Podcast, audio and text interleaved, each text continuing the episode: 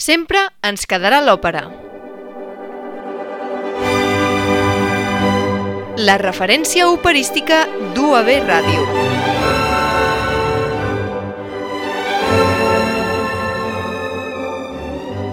Amb Nacho Ferrer.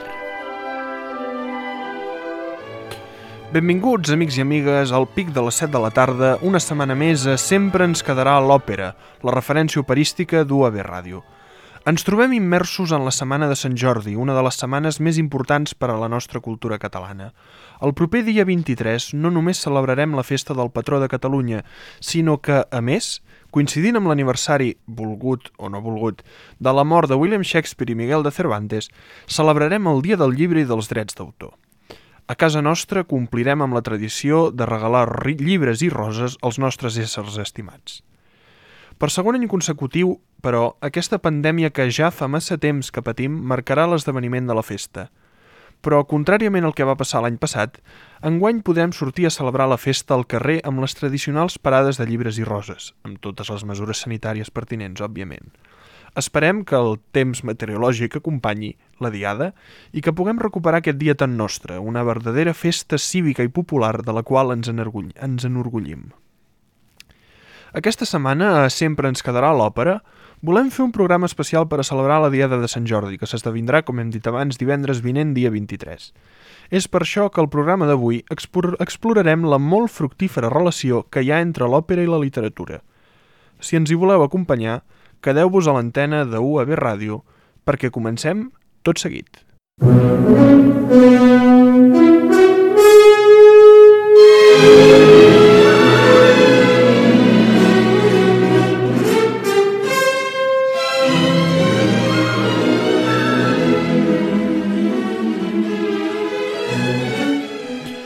L'òpera és, com hem dit molts cops en aquest programa, teatre musical, és a dir, una obra de teatre que té uns personatges, uns temps i una acció concreta que està acompanyada per una orquestra sinfònica i que compta amb un personatge col·lectiu d'una gran versatilitat, el cor. Algú pot pensar que en l'òpera el més important és la música, ja que es cataloga com a gènere musical. Tot i que aquesta visió és certa i té força arguments a favor, també hi ha qui diu que el més important és el text i no pas la música. Aquest debat ha ocupat anys de discussió estètica sobre l'òpera i és la base d'alguns títols del repertori, com és el cas de l'òpera Capriccio de Richard Strauss, una conversa musical, literalment, en la qual es debat si en l'òpera és més important la música o la paraula. Des d'aquest programa i en la nostra humil opinió, pensem que l'òpera és una combinació de totes dues coses i que amb dues es necessiten per tal d'assolir l'obra d'art total que és el gènere operístic. Si bé és veritat que normalment la qualitat d'una òpera es jutja per la seva vessant musica musical i que hi ha obres d'una qualitat literària dubtosa o amb arguments rocambolescs i enrevessats, molt difícils d'entendre i de seguir, com és el cas de l'òpera Il Trovatore de Giuseppe Verdi, també hi ha òperes que destaquen per tenir un llibret brillant des del punt de vista literari. És obvi que la concurrència d'una bona música amb un bon llibret creen obres d'una qualitat superlativa, però aquests casos són realment pocs a la història del gènere. Avui, en les audicions que us volem proposar, hem intentat buscar temàtiques literàries i de grans autors universals que han estat adaptats al gènere operístic. No volem parlar de llibrets, és a dir, del text de l'òpera, tot i que farem esment i remarcarem els llibretistes dels fragments que sentirem, òbviament. Trobem que parlar d'aquests llibrets i de com estan fets i de quin tema tracten o quin tema no tracten o quina qualitat literària tenen o no tenen seria força avorrit i donaria lloc a una dissertació en forma de conferència. Al tanto, aquesta pot ser molt interessant des del punt de vista dels estudis literaris, però l'objectiu del nostre programa és la divulgació rigorosa, no l'erudició. Un cop fetes aquestes consideracions introductòries al programa d'avui, passem a sentir el primer fragment dels que us proposarem avui. En primer lloc, parlarem d'un dels grans tòpics literaris que ha tractat la història de l'òpera, el mite de Don Joan, el, el seductor sevillà, protagonista d'obres d'autors tan diversos com Tirso de Molina, Molière, Lord Byron, José Zorrilla o George Bernard Shaw. Sentirem la que es considera la gran adaptació del mite de Don Joan, l'òpera Don Giovanni, o sia il dissoluto punito, és a dir, Don Giovanni o el, el dissolut eh, castigat, de, amb música de Wolfgang Amadeus Mozart i llibret de Lorenzo da Ponte que es va estrenar a la ciutat de Praga el 29 d'octubre de 1787. Sentirem, però, una àrea del segon acte d'aquesta òpera de Mozart que pertany a la segona versió que es va fer de l'òpera, estrenada a Viena el 7 de maig de 1788. En aquest cas és l'àrea és el recitatiu In quale accessi o nume i l'àrea Mi tradico l'alma ingrata que canta el personatge de Dona Elvira al segon acte. Dona Elvira, una, nova, una noble seduïda per Don Giovanni, pensa en el seductor de Sevilla que l'ha traïda. Elvira reconeix la culpa del Don Joan, però remarca com encara sent alguna cosa per ell. Sentirem la versió que fa la mezzosoprano terrassenca Anna Alasi Jové, acompanyada de l'Orquestra Filarmònica de Cambra de Catalunya, dirigida per Diego Martín Echeverría.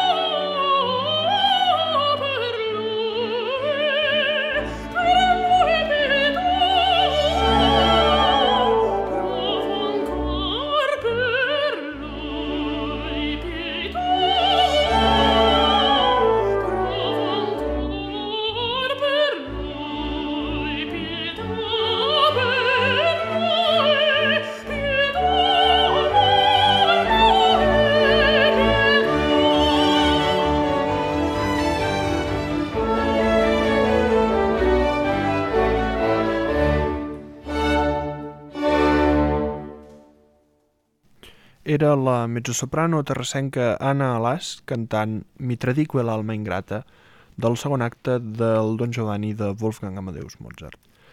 Un altre dels tòpics literaris eh, que ha tractat sovint la història de l'òpera és el mite de Faust.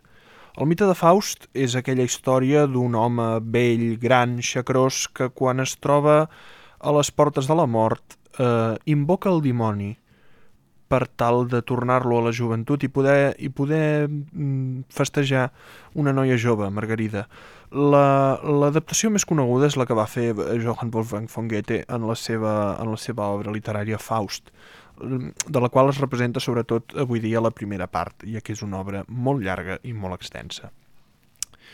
Aquesta, aquesta obra, com dèiem, Faust, ha tingut nombroses adaptacions a la història de l'òpera i la més coneguda és, és l'òpera francesa Faust de Charles Gounod, estrenada a l'òpera de París a la, a la segona meitat del segle XIX.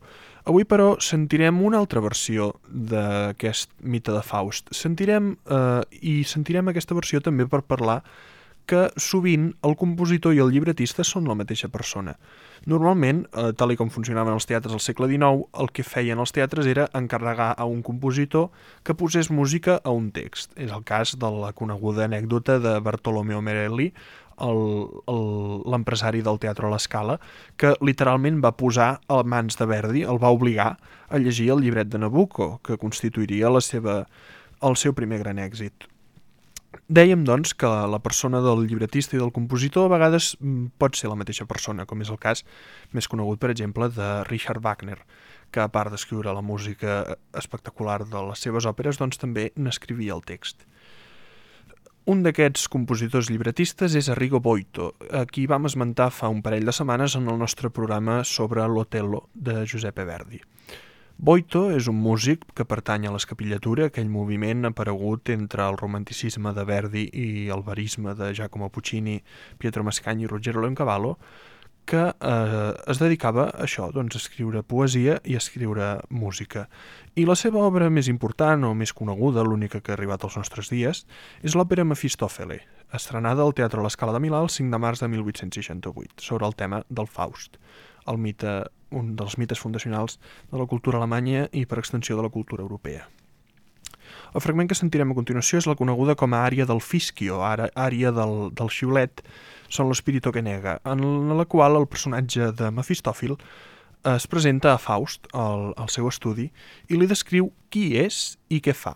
És a dir, Mefistòfil, que és el dimoni, omple el món de pecat i corromp, i corromp els homes. Sentim la versió que canta el baríton galès Bryn Terfel en el paper de Mefistòfil, acompanyat de l'Orquestra Simfònica de la Ràdio Sueca, dirigida per Paul Daniel.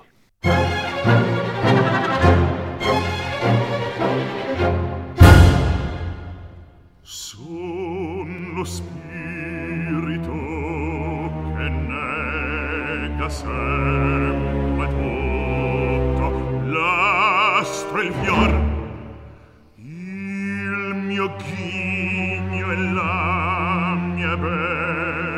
natur magnozzi al creator. Voglio il nulla ed el creato la ruina universal la ruina universal e atmosfera mia e atmosfera mia vital e atmosfera mia vital e atmosfera mia vital ciò che chiama sì Ciò che chiama chiamassi peccato, ciò che chiama chiamassi peccato, ciò che chiama chiamassi peccato.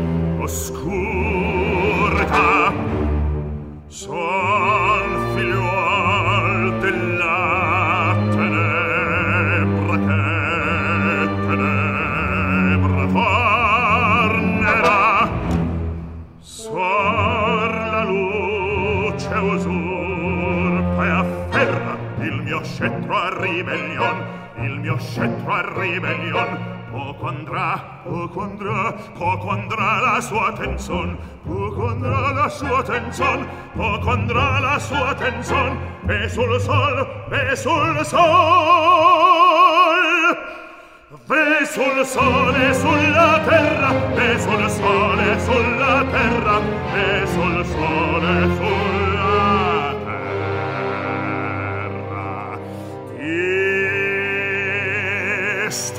situazione Ripito e vento questa sillaba. Nastro vento robo similo.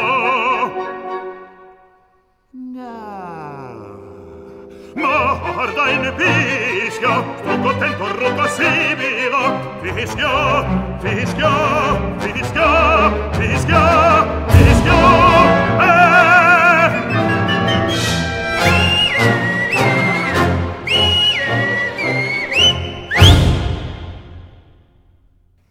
Era el baríton galès Brinterfell cantant Son lo spirito que nega del primer acte del Mefistofele de Rigo Boito. Un altre dels temes en els quals, dels temes literaris en els quals s'ha inspirat l'òpera més sovint és la literatura popular.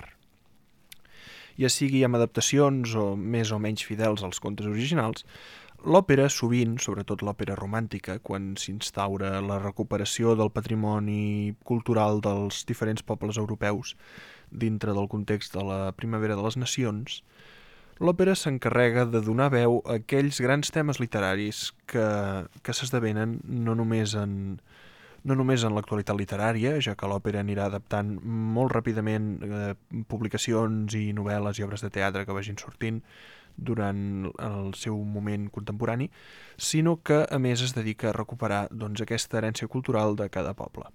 I és el cas de l'òpera a la qual pertany el fragment que sentirem a continuació. Sentirem a la pregària de Hansel i Gretel, del segon acte de l'òpera homònima d'Engelbert Humperdinck, estrenada a l'òpera de Weimar el 23 de desembre de 1893, amb un llibret d'Adelaide Wette, la germana de Humperdinck. Humperdinck és un compositor del tardo-wagnerisme, és posterior a Wagner, és discípul del, del geni de, de Bayreuth, i, fins i tot va participar en el procés d'estrena i assajos del Parsifal l'any 1882 al Festival de Bayreuth. Sentirem, deien, dèiem, la benedicció del segon acte de, de, de l'òpera Hansel i Gretel d'Engelbert Humperdinck en un moment en què sols als bosc els dos germans resen. Més endavant, eh, dins del context de l'òpera, doncs arribaran a la casa de la bruixa, aquella casa feta de llaminadures i xocolata, i passarà doncs, el conte que tots coneixem, perquè l'òpera de Humperdinck segueix molt fidelment el conte original dels germans Grimm. Sentim la versió que canta la soprano txeca Edita Gruberova en el paper de Gretel i la mezzosoprano alemanya Brigitte Fassbender en el paper de Hansel, acompanyats per l'Orquestra Filharmònica de Viena en direcció de Sergei Orksolti.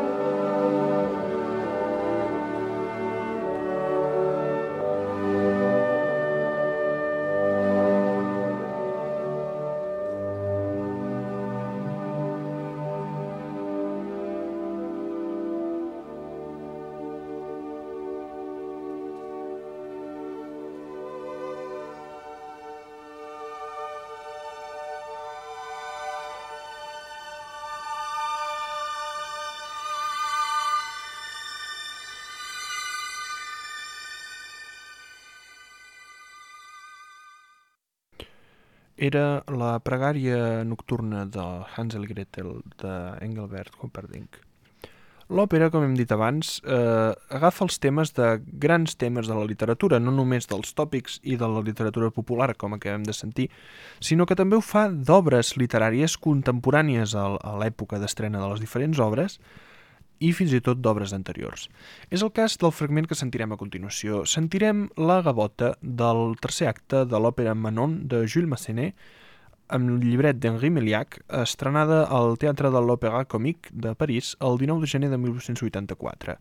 L'òpera Manon està basada en la novel·la Història del cavaller de Grie i de Manon Lescaut, publicada l'any 1753 per l'abat Prevost. Aquesta, aquesta novel·la de l'abat Prevost va ser objecte de censura per, per, perquè va ser considerada immoral. Eh, explica la història d'una noia del camp, Manon Lescaut, que s'enamora d'un cavaller, cavaller el cavaller d'Esgrier, i de com doncs, eh, ascendeix socialment i com cau en desgràcia.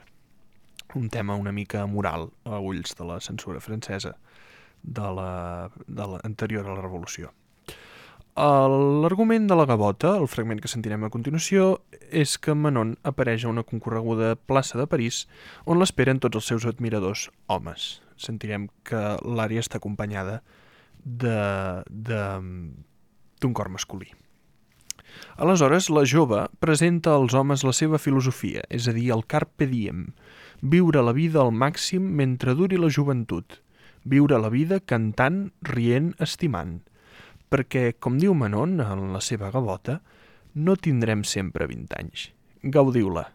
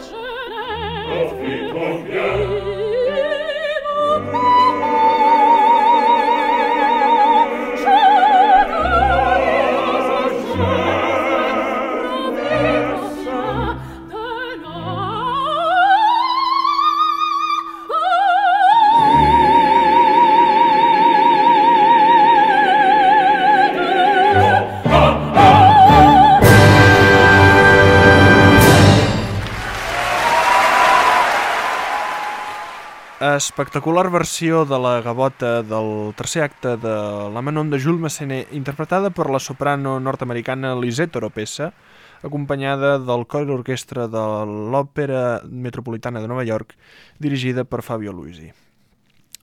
Una altra de les grans obres literàries adaptades a la història de l'òpera i curiosament pel mateix compositor és Les desventures del jove Werther, eh, obra de Johann Wolfgang von Goethe publicada l'any 1774.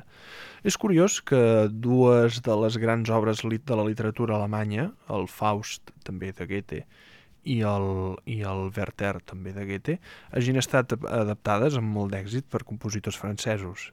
Dona per pensar. En tot cas, sentim tot seguit uh, l'àrea del tercer acte del Werther de Jules Massenet, el Pourquoi me réveillé. Uh, el dia de Nadal, Werther, un jove romàntic i enamoradís, ha tornat a visitar després d'un llarg viatge a la dona de qui està enamorat, Charlotte, que està casada amb un altre home. Werther mostra a Charlotte algun, alguns dels llibres de poesies que acostumaven a llegir plegats. Un llibre en particular, però, crida l'atenció del jove, un llibre de poesies d'Ocean. Sobre aquest poema, Werther improvisa un monòleg en què s'adreça a la primavera. Li demana per què el desvetlla amb el seu dolç aire, ara que la seva vida és plena de dolor i melanconia per no poder tenir Charlotte, fet que l'acabarà duent al suïcidi.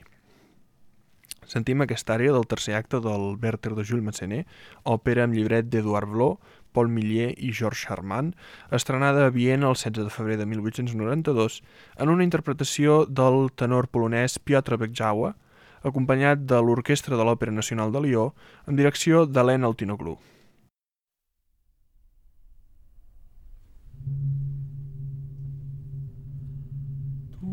Est mon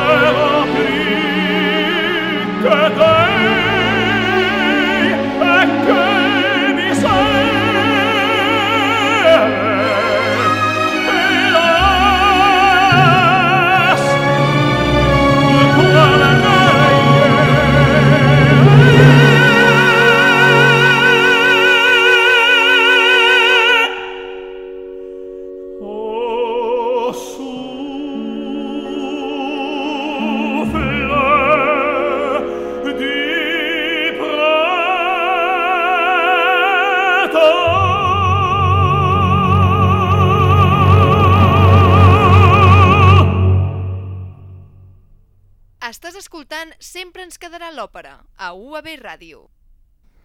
I arribem a la darrera de les adaptacions operístiques que us volem oferir avui.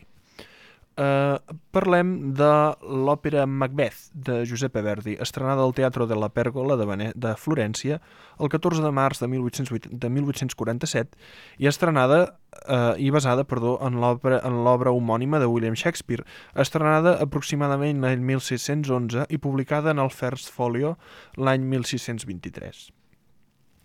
Sentirem el final del primer acte, Macbeth ha mort el rei Duncan d'Escòcia, Duncano, a la versió del llibretista Francesco Maria Piave.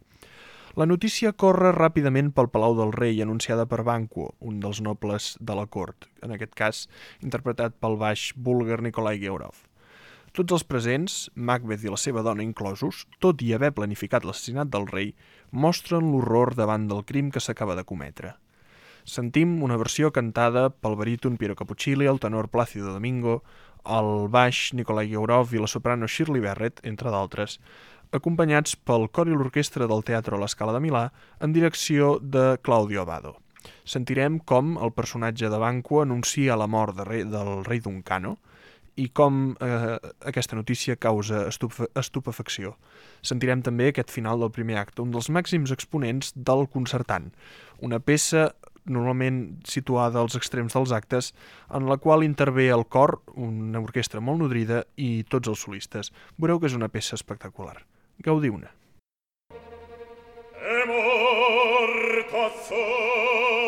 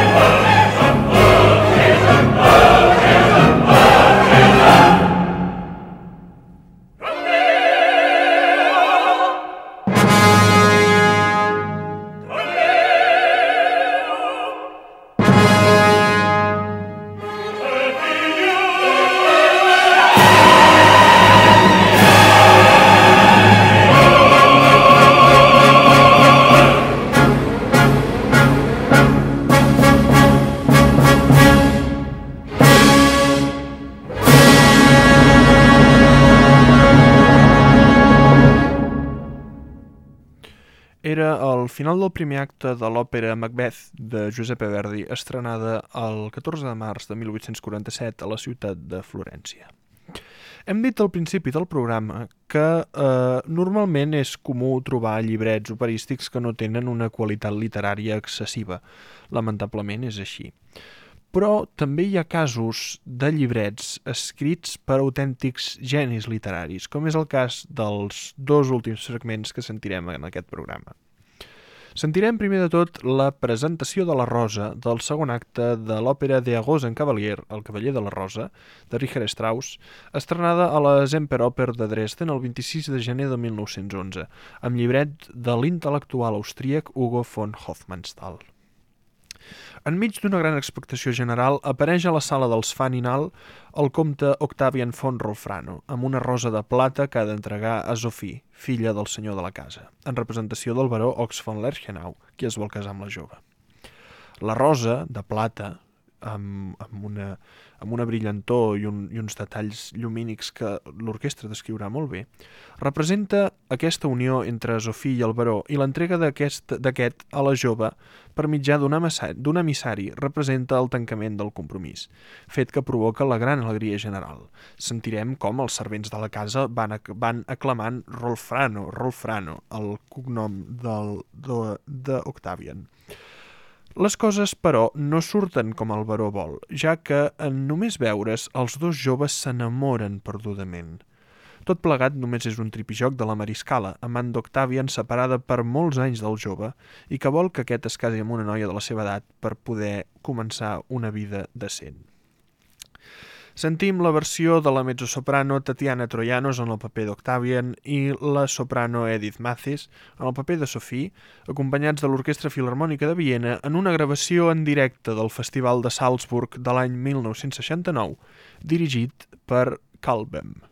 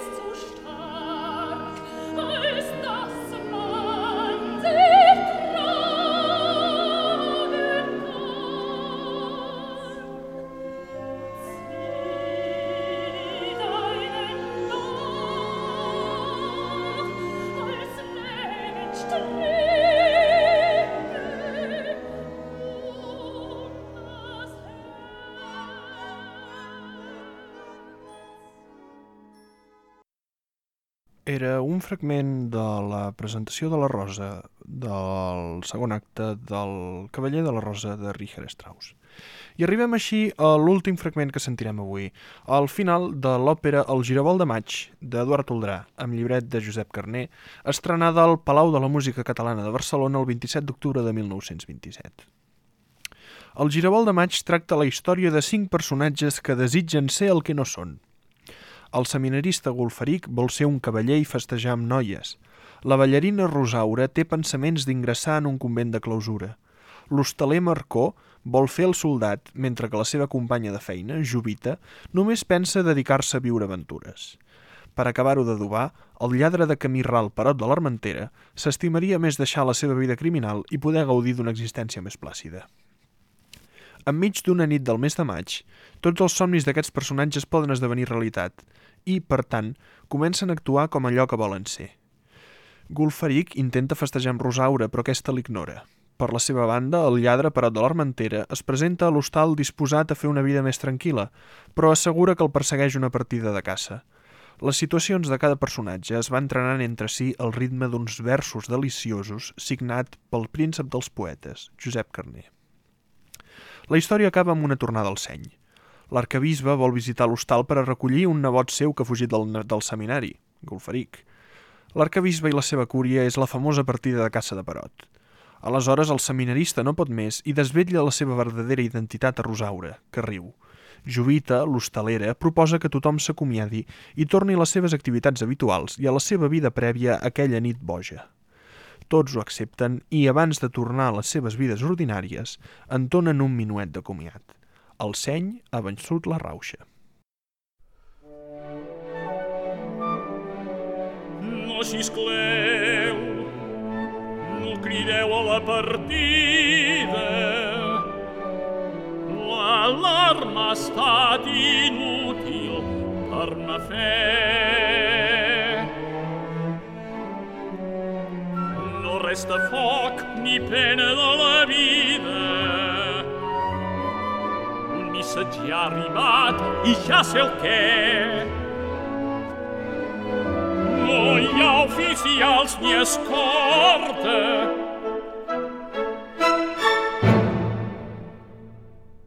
Aquest desori és el senyor arcabisbe qui el causà.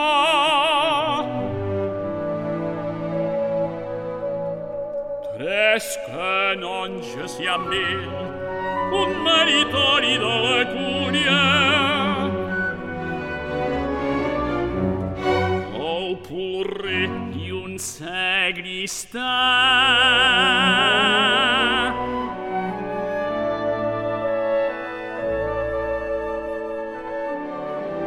A la visita pastoral triste pusa, ans gewaltus decet popol non, sarcanum nevotium, seminariste, va fugir o candavinem cop. E udit una voceum, es cosa certa, Cercen com un al fugissi,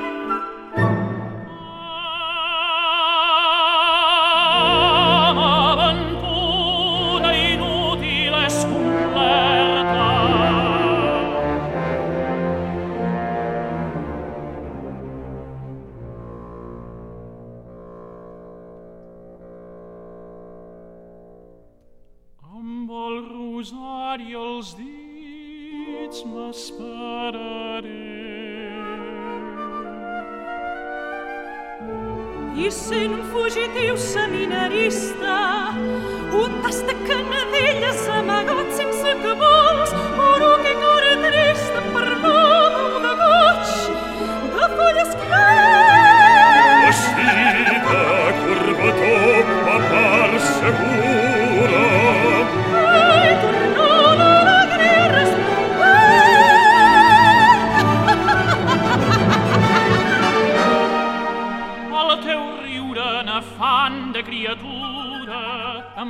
ferește-l més viu penediment.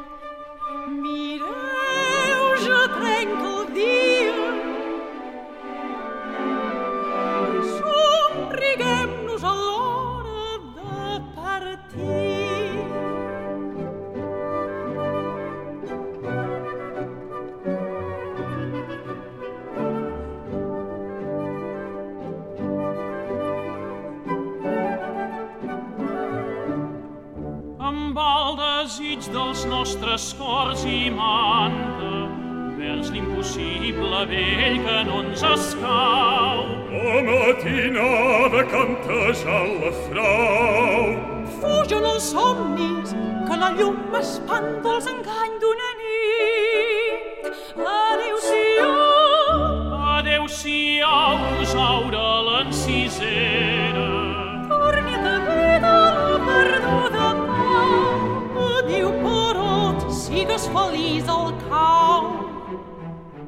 lascia sananci vinens e io stavenam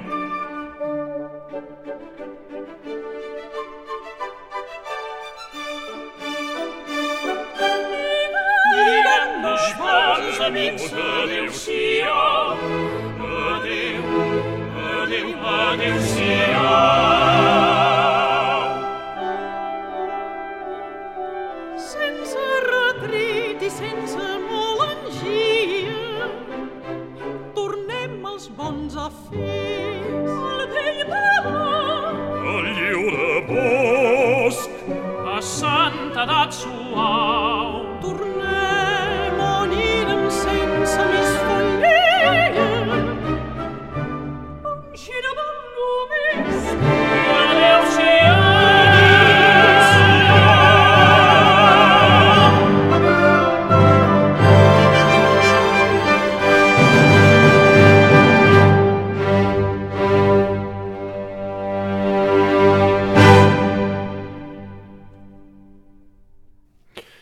El final del Giravolt de maig d'Eduard Toldrà amb llibret de Josep Carné, interpretat per Núria Rial en el paper de Rosaura, David Alegret en el paper de Golferic, Marisa Martins en el paper de Jovita, Joan Cabero en el paper de Marcó i Stefano Palacci en el paper de Perot de l'Armentera. I fins aquí, amics i amigues, aquest programa de Sempre ens quedarà l'òpera que hem dedicat a la relació entre l'òpera i la literatura. Esperem que n'hagueu gaudit i que tingueu una bona diada de Sant Jordi.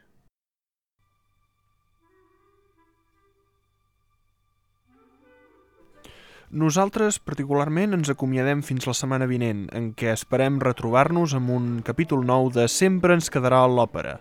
Recordeu que podeu trobar el nostre podcast a Spotify, on podeu descarregar-vos programes sencers i gaudir-ne on vulgueu. Ens retrobem la setmana vinent. A reveure!